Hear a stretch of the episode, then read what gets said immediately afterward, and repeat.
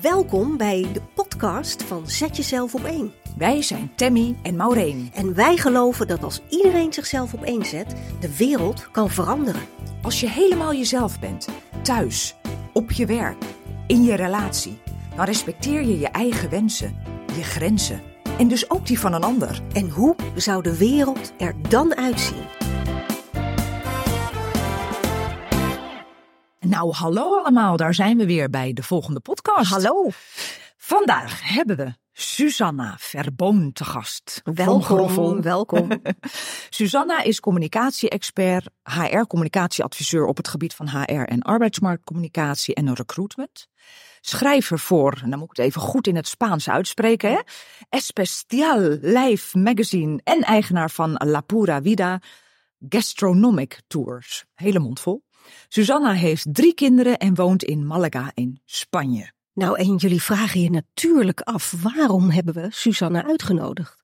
Nou, wij weten uit eh, betrouwbare bron dat eh, Susanna op een bepaald moment in haar leven, nou eigenlijk van, van gierende hartkleppen naar een soort zenstaat is ontwikkeld. Kan ik dat zo stellen, Susanna? Ja, nou inderdaad, een gierende hartkleppen. Nou, dat moet ik natuurlijk wel een klein beetje nuanceren. Maar ik heb zeker op momenten dat wel eh, meegemaakt, die gierende hartkleppen. En op een gegeven moment ook gedacht van... Goh, ehm, is dit het nu? Hè? Dat, dat die rat race, het kinderen naar de crash brengen, al die zaken. En dat ik op een gegeven moment ook dacht van, ehm, nou, ik wil een andere een kwaliteit van leven. Een andere kwaliteit van leven, meer relaxed. En ik had een hele grote liefde voor Spanje. En ben toen tien jaar geleden inmiddels alweer naar Spanje geëmigreerd met mijn eh, gezin. Nou, dan weten we eigenlijk allemaal dat dat goed is gegaan. Anders had je al lang met gierende banden dit keer weer geweest. Maar dat is dus niet gebeurd. Wat gaaf, wat leuk. Ja, Ja. inderdaad. En, en want hè, wij, eh, wij kennen elkaar natuurlijk eh, een tijdje, we hebben samen gewerkt. Dus jij hebt ook wel eens verteld van eh, toen ik aankwam in Spanje, dat je ook wel een soort van moest ont-red racen, zal ik maar zeggen. Hè? Ja. Hoe, hoe zag dat er in de praktijk uit? Wat, wa- hoe ging dat? Je kwam daar aan en toen? Ja, inderdaad. Eh, we, we zijn geëmigreerd, we hadden een huis geregeld. Alles, ja, alles was eh, prima in orde. Alleen toen was het zo van, en nu? Eh, mijn baan opgezegd bij, toenmalige gemeente, bij de gemeente Rotterdam en mijn partner ook zijn baan opgezegd. En daar stonden we met twee jonge kinderen van twee en vier jaar. En nu? En binnen twee weken had ik ze op school ingeschreven en wel. En zat ik voor me uit te staren, nou ja, met een drang van ik moet werken, ik moet nu aan de slag. Ik, waar is het werk? Ik was alles aan het afstruinen, alles aan het bekijken om maar aan het werk te Ja, kunnen gaan. Ja, ja. En achteraf denk ik nu van, ja, daar zag ik nog die enorme drang van, ik moet me presteren, ik moet me laten zien, ik moet, eh, dit is hè, de Nederlandse inslag. Ja, dit is hoe het hoort, hè? Dit is- en ja. hoe het ook moet zijn. We gaan nu niet Ja. zitten, we gaan niet eh, voor ons, we gaan niet genieten. Nee, we moeten nu hier aan de bak en laten zien dat we weer up and running zijn. En dat we ook een goede beslissing hebben genomen. Misschien ook wel, hè? Ja, van, ja. Dit was het Dat het juiste om te succesvol doen. wordt, ja. Ja. Misschien Ja. ook wel toen de tijd, ja. En wat heeft er nou voor gezorgd dat jij die keuze hebt gemaakt? Wat, wat, wat gebeurde daar dan? In Nederland. In nog, Nederland, je? Ja, voordat je- ja. Ja, nou inderdaad. eh, De, de, toch een aantal eh, events, live events, maar ook in het werk. Mijn eerste baan was een vervanging van een zwangerschapsverlof. Eh was in, eh, bij een offshore bedrijf, een hard bedrijf, mannenwereld. Ik was nog hartstikke groen en jong, net klaar met de opleiding. En ik ging daar aan de slag. En dat was natuurlijk normaal. Je bleef niet tot vijf uur, nee, zes uur, zeven uur. Om vijf uur kwam de directeur en die vroeg of ik nog even wat flyers kon maken. Want hij moest de volgende dag naar Texas, Amerika. En dus dat deed je. Tuurlijk. En je ging niet om vijf uur naar huis, want dan was het zo heb je een halve dag vrijgenomen. Ja, heel herkenbaar. Ja. Ik dacht, wat? Het was echt, maar je deed het. Je deed het, je deed het allemaal. Tot het moment dat ik dacht van, nou ja, ik kon bij Rijkswaterstaat gaan werken. Ik ging keurig mijn, mijn eh, met, met zes weken van tevoren ging ik aankondigen van, nou, ik wil graag weg. Er was nog geen vervanging, maar ik dacht, nou, dat is genoeg tijd. En dan kwam de bedrijfsjurist naar me toe. Wij gaan jou zien in de rechtbank, in de rechtszaal. Oh, En ik, ja, ik, ik was nog hartstikke jong en groen. Dat is natuurlijk een enorme impact. Dus ik zal dat nooit vergeten. Dat, ja, en ik ging naar de, naar de juristen van Rijkswaterstaat. Ik legde het allemaal voor. Nou ja, daar zeiden joh, maak je niet druk. Komt allemaal goed. ehm, wij gaan ervoor. Dus nou ja, dat gaf mij toen wel de rust, maar gewoon het gevoel dat je al denkt van, ik heb daar altijd een, al mijn, mijn, uren gemaakt, ik heb een goede inzet gedaan, ik heb het keurig gedaan zoals het hoort. En nu dit. En ik kreeg geen afscheidsfeestje, ik kreeg helemaal niets. Het was een soort van, nou ga maar gauw weg. Ik ben toen toch nog op de dag dat ik vertrok de directeurskamer binnengelopen met opgeheven hoofd. Met een heel hard, kloppend hart. Want het was toch wel echt. En ik heb hem een hand gegeven. Want ik dacht, ik wil weggaan met opgeheven hoofd. Je hebt hier aan jezelf. Ja ja, ja, ja, ja, Maar dat was wel echt een moment dat ik dacht van oké, het maakt niet uit. Dus je kunt zoveel uren werken en zoveel je best doen als je wil. Uiteindelijk ja, en toen bij Rijkswaterstaat had ik een, eh, een tijdelijk contract. En dat wilden ze graag verlengen. Maar dat lukte gewoon weer niet door van hogerhand. Dus het was continu, werd er een soort van worst voor gehouden. We gaan het proberen, we gaan het doen. Maar uiteindelijk lukte dat bijna ook niet. En voelde ik, ja, je voelt gewoon van, ja, je bent eigenlijk achteraf ben je maar een onderdeeltje in zo'n organisatie. Dus het hielp mij ergens ook wel om te bedenken van, ja, we laten soms we gaan voor mijzelf dan te ver. Maar uiteindelijk, wat had het dan voor effect? Ja, en wat heeft het bottom line eigenlijk opgeleverd? opgeleverd ja, precies.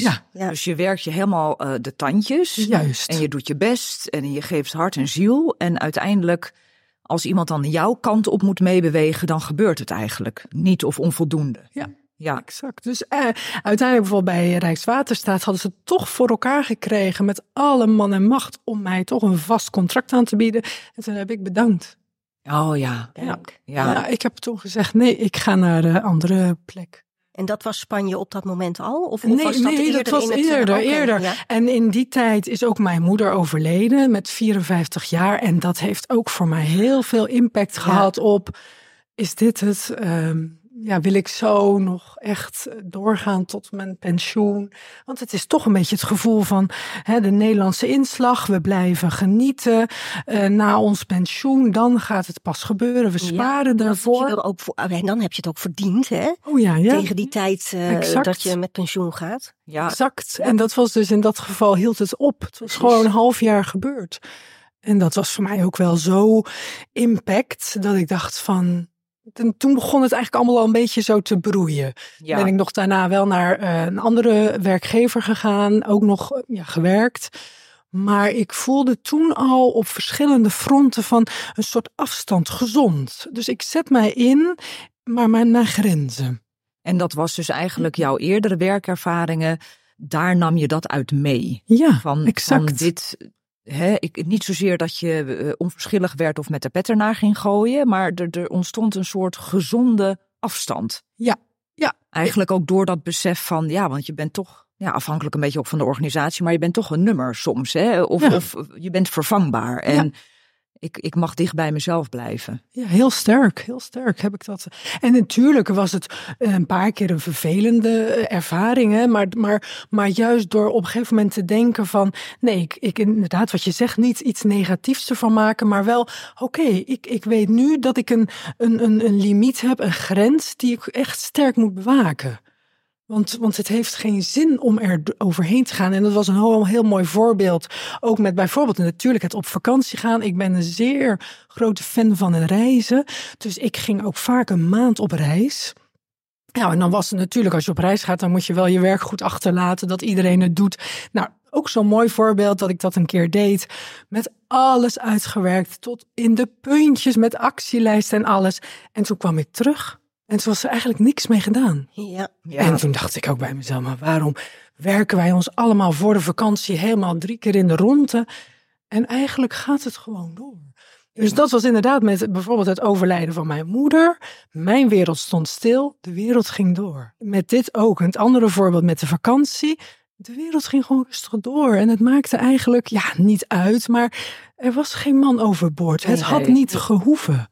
Het is een hele nieuwe wereld wat Ja. er eigenlijk eh, open gaat dan. hè, Ja, eigenlijk moment. wel. Ja, Dus- en, en ook wel, eh, die gaat open, omdat jij ook wel die leermomenten er bewust uithaalt. Ja. Ook, hè? ja, dat is waar. Eh, want je hebt ook wel eens eh, dat, dat mensen misschien tien keer zo'n moment kunnen voorbij zien komen en, en er vervolgens eigenlijk niet datzelfde meedoen. Hè? Nee. Dus het ligt natuurlijk ook aan wat, je doe ermee je doet. met Ja, de, met de ja. live events, met de, de ervaringen, met eigenlijk de juweeltjes van inzichten die je krijgt. Wat doe je daarmee hè? en hoe pas je dat toe? Nou, Maureen, dat, dat vakantie eh, eh, voorbereiden, dat herkennen we ook nog wel, hè? Ja, Mijn Ja. hemel. ja, en dan kwam je inderdaad terug. Ja, En dan denk je, nou, ik had het net zo goed niet. Ja, ik had eigenlijk geen tijd en eh, dit. Ja, nee, ik had en- dan zei de andere collega, ja, ik had mijn eigen klanten ook nog. Wat natuurlijk heel ook Natuurlijk. gewoon waar is, hè? Maar je gaat er eigenlijk Ja. vanuit, als je die actielijsten maakt, dat iedereen daar ook direct wat mee gaat doen. Want dat doe je zelf namelijk ook. Ja, Eh, hè, dat nou ja, deed je dan wellicht ook voor je collega's, als ik het zo eh, in mag vullen. Maar ja. ja, dat is een hele rare gewaarwording. Nou, en daarom is het ook eh, heel veel, dat is even een sidestep, maar heel veel mensen worden ziek op vakantie. Dan, dan is het net alsof je hoofd en je lichaam eigenlijk voelen van, oké, ik mag nu ontspannen en bam, daar komt die man met de hamer. Want mensen gaan door tot het bittere eind. Hè. Die moeten soms bijvoorbeeld om, om, om acht uur s'avonds een vliegtuig hebben en die zitten gewoon om vier uur nog de laatste e-mails te doen om maar goed alles over te dragen. Klanten te bellen, collega's te instrueren. En ja, je komt eigenlijk uitgeput, kom je op vakantie aan. Ik En- herken dat ook wel van vroeger. Ik weet niet of, of jullie dat ook hadden.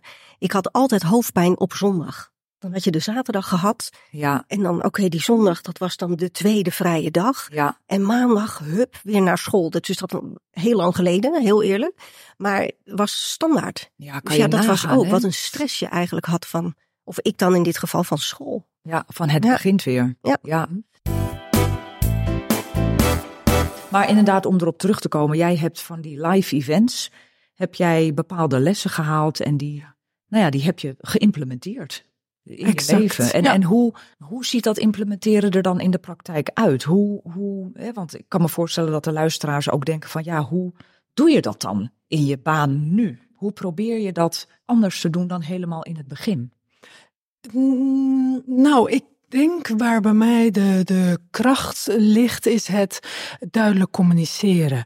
Ik, ehm, voor mij is de helderheid, duidelijkheid in hoe je in je werk staat, in hoe je het organiseert, dat heeft eigenlijk al zoveel impact op hoe mensen ook met je omgaan. Mhm. Dus als jij zegt, ik ben er alleen maar op die en die momenten, en je neemt de telefoon ook niet op daarbuiten, Ja, maar je geeft de dag daarna even kort terug. Ik was er niet, want weet je nog, kijk, het heeft ook een klein beetje te maken met opvoeden. Laten we eerlijk zijn in deze Ja. wereld. ja, Maar het niet bereikbaar zijn, het, eh, je kunt me hier en hierop aanspreken.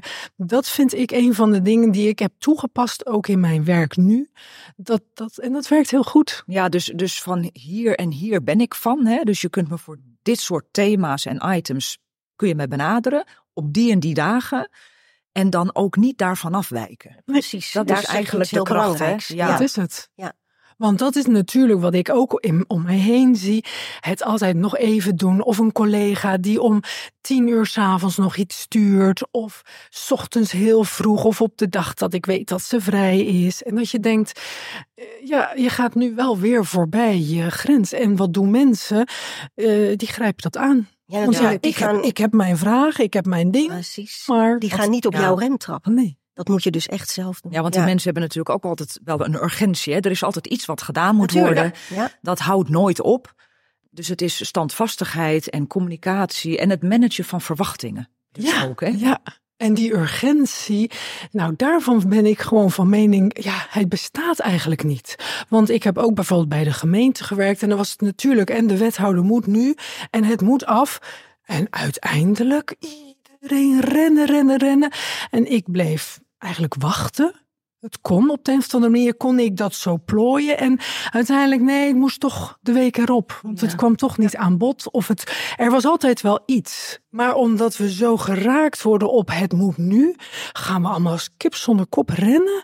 Want er moet iets. Ja, er is geen reflectie. Er is niet even een moment van wacht even. Klopt dat nu? Kan het nu? Ben ik er wel? Ben ik er niet? Dus je Ja. bent daar heel bewust mee Ja, bezig. ja. Ja. Dat, is ook onderdeel van jezelf opeenzetten, uiteindelijk. Ja, en inderdaad, eh, eh, het zien van de urgentie. En we houden het dat ook met elkaar in stand. Hè? Ja. Wat ik heb, bijvoorbeeld zelf heel erg heb in het gewone leven, dat heb ik nu redelijk goed afgeleerd, is dat ik bijvoorbeeld ren door huis. Ik heb, toen ik klein was als kind, mijn moeder zei altijd, jij liep nooit, nee, jij rende. Want ik was heel nieuwsgierig en de wereld moest ontdekt. En eh, dus dat kon niet langzaam, nee, dat moest snel. Dat heb ik heel lang thuis ook gedaan. En dan zei mijn man, lieverd, je rent weer hè, de trap op. Oh ja, Ja, nee, inderdaad. Waarom dan- doe ik dit waarom- eigenlijk? Waarom doe ik Ja, dit ja, eigenlijk? En dan ging ik gewoon lopen. Dus het is ook constant die bewustwording bij jezelf en jezelf ook gadeslaan daarin. En het is ook wel heel helpend als er dan iemand anders is die af en toe kan zeggen, joh, Zou je je dit doen? Ja, Weet ja, je nog? ja, ja. Oh ja, ja, inderdaad. Dus dat Ja. werkt ook wel, vind ik. Om, Ja. om ehm, Je omgeving. Ja, je omgeving, maar ook gewoon constant bewust te zijn van onthaasten. En dat zit hem inderdaad soms in eh, het minder snel bewegen, dus gewoon fysiek te vertragen, letterlijk, maar ook soms langzamer praten of inderdaad de vraag te stellen, ja, maar moet dit echt nu? Ja, want het moest echt, eigenlijk moest het tien minuten geleden al. Ja, is dat zo? Ja, en het is ook jezelf letterlijk je gedachten observeren. Want vaak als we rationeel weten van oké, eh, nou het moet inderdaad wat langzamer, het mag allemaal wat minder. Maar vervolgens komt er een gedachte boven die precies tegenovergestelde zegt, want er wordt wel dit en dit en dit van je verwacht. En als ik dat nu niet doe, ja, maar dan kan ik toch niet maken. Dus als je die gedachten ook observeert en ze op waarde kan schatten en ze niet zo hoog in de toren zet, zo gezegd, dan heb je een keuze. Want als je je laat nou ja, sturen door die gedachten, dan verandert er nog niks. Nee, Nee, dat klopt. zeker. Dus je moet jezelf constant observeren en eh, kritisch zijn Ja, tegenover die gedachte van, oeh, nu denk ik dit. Maar is het eigenlijk wel waar dat ik dat denk? dat is het. En dat heeft natuurlijk weer alles te maken met ook eh, het willen pleasen van een ander. eh, de Calvinistische maatschappij waarin we zitten. Nou, die hebben de luisteraars ons natuurlijk al heel vaak horen benoemen. Van joh, eh, nou ja, ik vind eigenlijk dit, maar ik zeg het niet. Want don't rock the boat. En eh, ik moet een ander niet tot last zijn. Dus ik doe maar gewoon wat er van me gevraagd wordt. Precies. Ja, want je wil die ander niet teleurstellen en misschien word je wel afgewezen. Al die overtuigingen in ons hoofd, waardoor we eigenlijk alles maar bij het oude laten. Hè? Ja, en soms zijn er dan live events eh, die ons helpen om dingen anders te bezien. Nou ja, jij noemde er net al een paar. Het overlijden van je moeder natuurlijk Ja, een hele ja. grote. Hm. eh, ja, die, die eh, super significant was om eh, te bedenken van ik wil, het, eh, ik wil het eigenlijk anders. Ja, exact. Ja, een ander wordt wellicht ziek. Of die heeft een familielid eh, hè, die, die ziek wordt. Waardoor je heel anders gaat, ja, in het leven gaat staan. En prioriteiten Ja. komen dan ineens anders te staan. Hè? En soms krijg je dan ook de moed, denk ik. Als je het altijd al een beetje voelde borrelen, dan krijg je soms ook de moed om dingen daadwerkelijk anders te gaan aanpakken. Ja. En dat het niet bij een gedachte blijft, maar dat het ook echt een actiepunt wordt voor jezelf. En heb jij in je huidige werk ook wel eens momenten dat je denkt, oeh, nu moet ik even gaan oppassen. Of dat je denkt van, oh ja, wacht even, eh, dit is iets ouds wat nu boven komt. Nee, even weer terug naar mijn nieuwe manier van werken en denken. Ja, nou, dat is wel een interessante vraag eigenlijk. Want omdat ik op afstand werk, heb ik toch ergens wel het gevoel dat ik me meer moet presteren, meer moet laten zien. Ja, Dus dat was wel iets dat ik dacht in het begin van, hé, hey, ik, heb, ik, ik wil liever gewoon de afspraak maken met de opdrachtgever. Dat hij zegt van, waar wil je mij op eh, evalueren? Of waar wil je mijn output hè, van krijgen? Dat moet voldoende zijn. Ik hoef niet ook nog eens een keer nu extra te gaan in alle bochten te wringen. Want kijk eens, ik ben. Of dat ik. Ik merkte op een gegeven moment wel dat ik bijvoorbeeld als grapje was ook. eh, eh, dat de mensen reageerden. Maar wat? Werk jij op afstand vanuit Spanje? En toen zei ik tegen een collega. Joh, ik kan beter zeggen. Dat ik vanuit Duitsland werk, want dan hebben de mensen tenminste het idee dat ik uh, groenzoetigheid en dat ik hard werk. ja, ja. Dus Spanje wordt toch geassocieerd met de siesta. Ja, ja, en toen zei, en toen, want ze zeiden ook, want, en, en dan zei ik ook meteen, ik denk dat ik het minste de zee en de zon zie hoor jongens. Dus het gevoel van dat ik me moest hè, verantwoorden. Dus Ja, dat waren ja. wel momenten dat ik dacht van, oh wacht even, ik, ik hoef dit niet te doen. Ik weet wat ik lever, ik weet hoe ik mijn werk doe. En je werk spreekt voor zich ook eigenlijk, hè? Je Exact. output. We laten ook zien Exact. Van, ik ben betrokken en ik lever. Juist. Ja, Dus dat was inderdaad wel even dat ik die oude eh, iets boven voelde komen. Maar goed, ja, dat is ook een kwestie van eh, eh, ja, het wennen eraan. Om op die manier natuurlijk te werken en om het zo te doen. Ja. Maar ik moet ook zeggen dat het Spanje, het wonen in Spanje, heeft mij dus in die zin als omgeving heel erg geholpen. Om dat Calvinisme te laten zakken. Die, die, het moet zo en eh, doe maar niet eh, gek, want we doen al gek genoeg. Ja. Daar mag het. Daar is het meer uitbundig.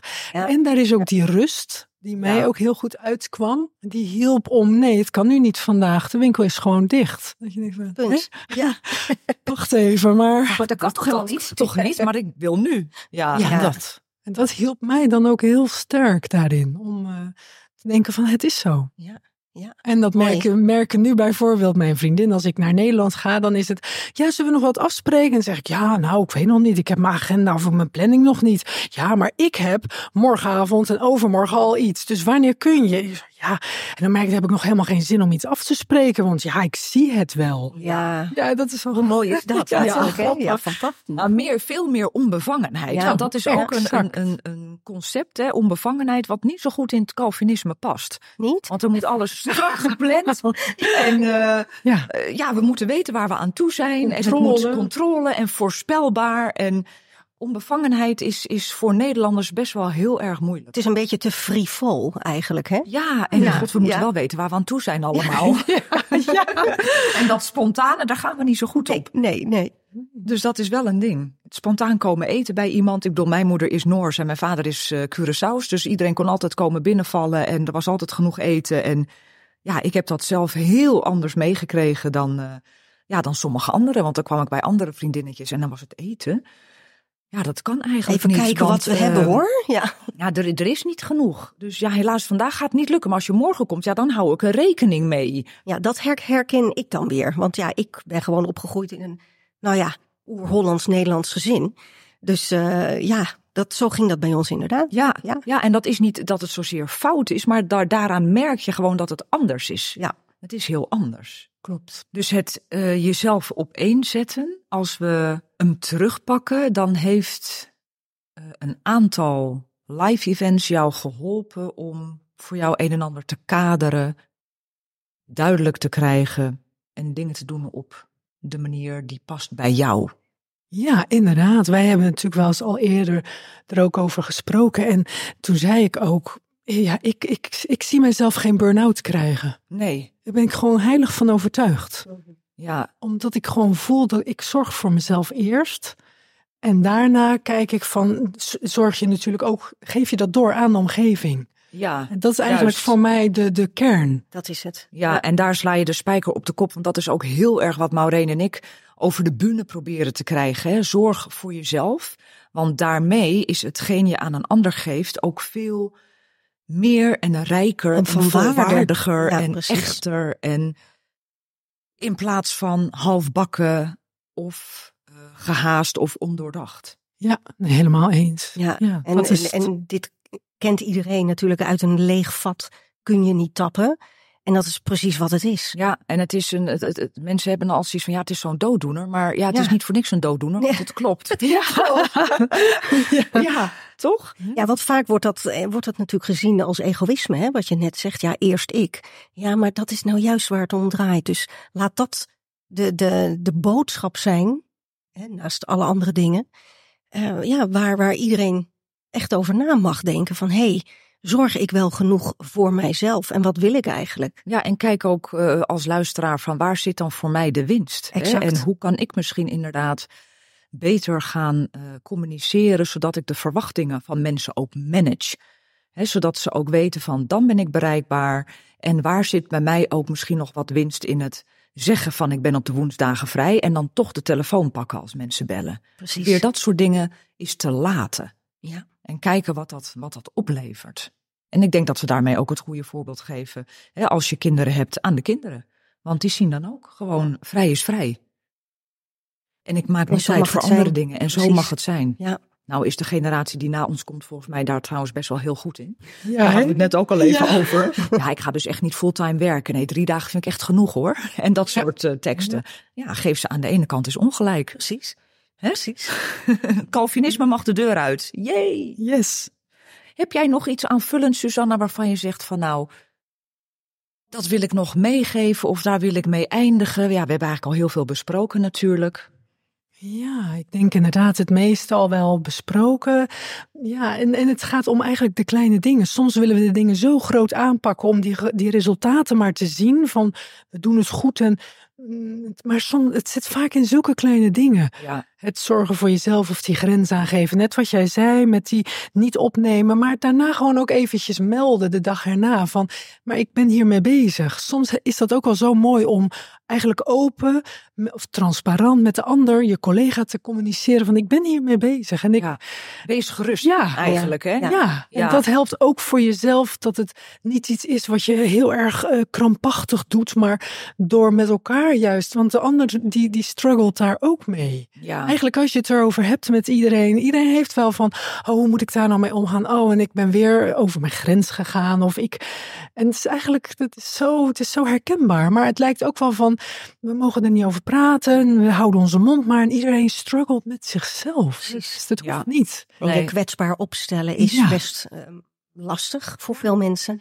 Want dat is juist de sleutel tot elkaar hè, uiteindelijk. Absoluut. Tot Ja, verbinding. maar dan kom je absoluut. erachter dat de ander, eh, wat jij zegt, ook, ook ermee struggelt. En dat je Mm. niet de enige bent. En dat geeft dan ook weer grond voor verbinding. En daar gaat het uiteindelijk. Helemaal. Nou, Susanna, heel erg bedankt.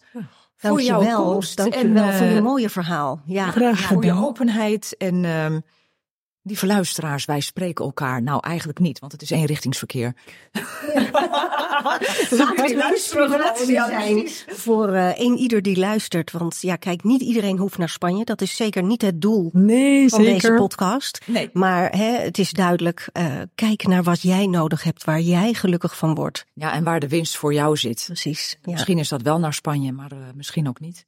Blijf je gewoon lekker in Nederland, maar dan met een iets andere mentaliteit en mindset. Kijk, en dat is een prachtige afsluiter. Dank jullie wel voor het luisteren. Dank je wel, Susanne. En tot de volgende keer. Dag, dag. Deze podcast is gemaakt door Maureen Vogel en Tammy Maduro. En geproduceerd door Erik Lindenburg van IT Plus. En met muziek van Robert-Jan Broersma van beleefdmuziek.nl. Heel graag tot de volgende keer.